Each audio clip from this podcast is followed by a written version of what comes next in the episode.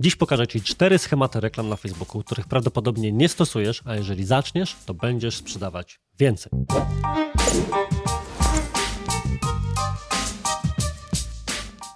Dzień dobry, dzień dobry, dzień dobry. Ja nazywam się Artur Jabłoński, a to jest program konkretnie o marketingu i sprzedaży. I tak konkretnie to codziennie denerwuję się, kiedy wchodzę na Facebooka, oglądać reklamy, bo szykuję je również ze swoim zespołem dla moich klientów. Ewentualnie rozmawiam na warsztatach bądź spotkaniach z klientami i widzę, że większość marek, jeżeli chodzi o reklamy, posługuje się trzema, góra czterema niesamowicie schematycznymi pomysłami. Większość marek publikuje tak zwany packshot, zdjęcie na białym tle samego produktu, ewentualnie zdjęcie z elegancko przygotowanej sesji zdjęciowej z modelką. Tutaj najczęściej są modelki Zary, które wiecie, mają jakieś dziwne, odpalone pozy. Ewentualnie jakiś przykład użycia, coś w ruchu, i to jest de facto koniec. I tym się zapętla, i tym się kręci, i nie ma nic więcej. I okej, okay, takie reklamy sprzedawać potrafią przez jakiś czas, albo mogą dźwigać jakąś część sprzedaży, ale kiedy w grę wchodzą trudniejsze tematy, trudniejsze produkty, bądź po prostu chcemy się wyróżnić na zatłoczonym rynku, potrzebujemy innych schematów i te cztery pokażę Ci dzisiaj.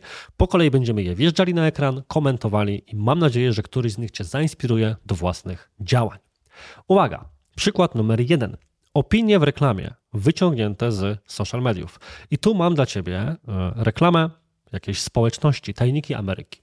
O co chodzi? Generalnie wszyscy wiemy, że Polska i inne rynki niesamowicie mocno patrzą w procesie zakupowym na opinie konsumentów. I zdarzają się kreacje, które z tego, które z tego korzystają. Ktoś wyciągnie jakąś ładnie wyglądającą opinię z Google'a i wrzuci ją jako tło swojego produktu. Ewentualnie promuje się bardzo mocno takie kreacje, które mają dużo komentarzy pozytywnych w kontekście na przykład branży odzieżowej. Sukienka właśnie przyszła, doskonale leży. Natomiast to, do czego Cię zachęcam, to jest swego rodzaju naturalność i chałupniczość w tym. No bo zobacz proszę ten przykład. To, czym to jest, to tak naprawdę trzema screenami, trzech losowych komentarzy, trzech osób na temat tego, jak fajną rzeczą jest ten klub Tajniki Ameryki. I siła tego przekazu tkwi właśnie w tym, że to nie jest w żaden sposób wizualnie obrobione. Bardzo często ludzie nie będą ufali komentarzom, które są pokazywane w reklamie, kiedy zostały one po prostu przerobione i są częścią baneru, grafiki czy filmiku promocyjnego, bo jest to zbyt piękne, nie ma tego aspektu naturalności i swobodnej pochwały. A w momencie, w którym wygląda to właśnie w taki sposób, jakby ktoś zeskrinował kilka bądź kilkanaście komentarzy i po prostu je tutaj wrzucił, to mamy tę naturalność, taką nieschematyczność w tym momencie wrzuconą. Bardzo mocno ten schemat Ci polecam. Jest to jeden z bardziej skutecznych schematów, których my wykorzystujemy tworząc grafiki i reklamy dla naszych klientów. Przykład numer dwa z kolei to jest podejście do grafik inne niż tylko i wyłącznie w charakterze estetyki. Czyli większość reklam, które ja obserwuję, wyglądają w taki sposób, że grafika jest tworzona z klucza tego, żeby była jak najbardziej ładna, pięknie prezentowała produkt czy cokolwiek, a obok tego jest jakieś hasło, oczywiście potencjalnie cenówka, a wszystkie informacje na temat korzyści z danego produktu, jego przewag konkurencyjnych, danej usługi czy cokolwiek są wrzucone w tekst opisu. Sęk w tym, że tych opisu, te opisy są czytane przez bardzo małą liczbę ludzi. Więc moją radą i przykładem, który widzimy na, w kontekście reklamy wydawnictwa poznańskiego, jest wyciągnięcie tych wszystkich kluczowych aspektów i wrzucenie ich na grafikę. Zobacz tutaj, mamy książkę. Normalnie moglibyśmy po prostu puścić taką reklamę i mieć tutaj trzy jakieś wolumeny. To jest akurat książka o Beatlesach. Beatlesów bardzo lubię. Są wszystkie te informacje oczywiście również w opisie, ale obok tego mamy strzałeczki, niczym rysowane przez Jacka Gmocha podczas komentarzy meczów i informacje o tym, że jest to historia skrząca dowcipem i anegdotami, książka okrzyknięta arcydziełem, czterech chłopców z Liverpoolu, którzy zawojowali świat i tak dalej, i tak dalej. Wyobraź sobie więc, że pokazujesz swój produkt, masz takie 3-4 strzałeczki, niczym w gazetce Lidla czy innej Biedronki i tam pokazujesz te same przekazy, to jest kluczowe, te same przekazy, które i tak masz w tekście samej reklamy, żeby dodatkowo go podbić. Większość osób, które Twoją reklamę wyświetlą, skupią się tylko na przekazie, który jest na grafice.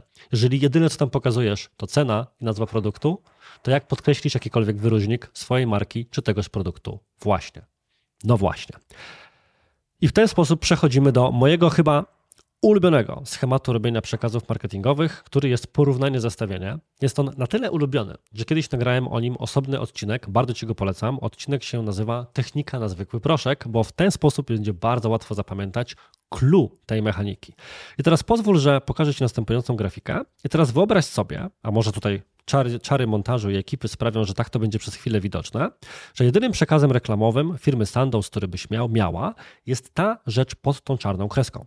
Mamy sobie saszetkę, Sandoz, jedna saszetka, skład skrojony na miarę, plus oczywiście opis, który bardzo mocno mówi o tym, jak to fantastycznym suplementem jest coś, co ma skład robiony pod ciebie.